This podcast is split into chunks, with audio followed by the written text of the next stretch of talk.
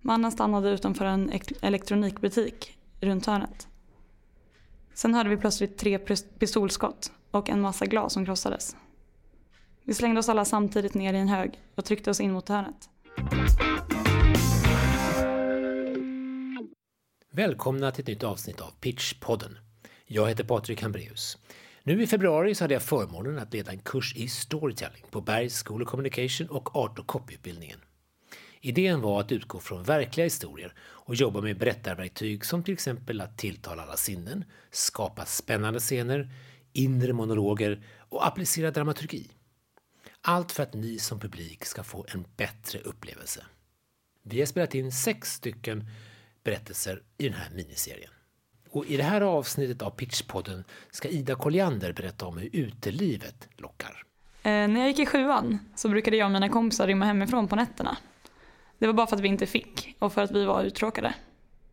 Vi smet ut och så gick vi bara omkring lite utomhus. Och den här berättelsen den handlar om sista gången någonsin som vi rymde hemifrån på natten. Det var sommarlov och Fredrika och Beckan skulle sova över hos mig. Vi bestämde oss för att rymma igen och den här gången skulle vi gå hela vägen ner på stan. Vi ville så gärna veta hur det var att vara där på natten.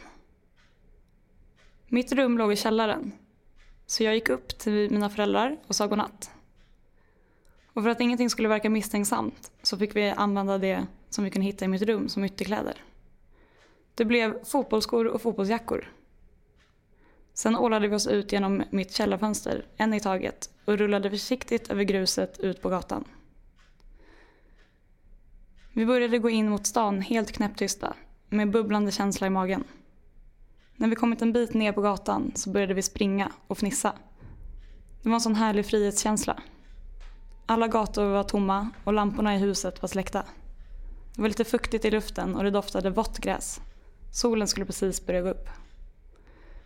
Vi trodde att det skulle vara helt annorlunda när vi kommit in till stan. Vi tänkte att det skulle vara liv och rörelse. Men det här var alltså en tisdagsnatt klockan tre i Uppsala, mitt i sommaren. Det var helt öde. Vi lunkade runt en stund på gågatan och Stora torget. Superbesvikna. Vi hade fantiserat om att hamna på någon fest. Eller i alla fall träffa på någon rolig människa. Det var då vi hörde brummandet från en motorcykel. Äntligen hände det någonting. Det var en man i svarta kläder som åkte omkring på gågatan. Jag tänkte att det var lite konstigt att åka runt ensam så här sent. Men jag var ändå så himla nöjd med att det äntligen hände någonting. Mannen körde fram och tillbaka. Förbi H&M, ner till Sankt Per-gallerian och upp igen till JC. När han närmade sig Stora torget, där vi stod, började vi bli lite rädda. Vi såg på varandra och smög långsamt in i ett hörn. Vi ville inte att, det skulle, att han skulle upptäcka oss, så vi stod blickstilla i hörnet. Motorcykelbrummandet blev högre och högre och det gick en ilning genom hela min kropp. Tiden stod stilla. Vi andades knappt och vi kollade på varandra med stora ögon. Mannen stannade utanför en elektronikbutik runt hörnet. Sen hörde vi plötsligt tre pistolskott och en massa glas som krossades. Vi slängde oss alla samtidigt ner i en hög och tryckte oss in mot hörnet. Jag var längst ner i högen så mina armar var helt låsta. Jag väste till de andra. Ring 112! Nu! Beckan ringde och samtidigt hörde vi brummandet från motorcykeln som åkte därifrån.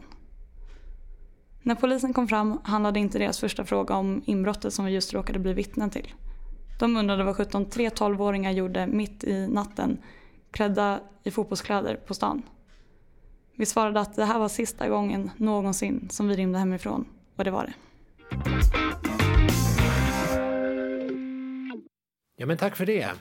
Inspelningen gjordes av Kjell Eriksson, fotot är taget av Simon Allingård och redigeringen av Robin Johansson. Mr Pitch kommer att hålla kurser i storytelling tillsammans med regissören Camilla van der Meer nu i vår. Vill du bli en bättre storyteller och berätta och utforska vad det handlar om så bli medlem i vår Facebookgrupp eller inboxa oss via Soundcloud. Eller varför inte boka en kurs med oss till ditt företag?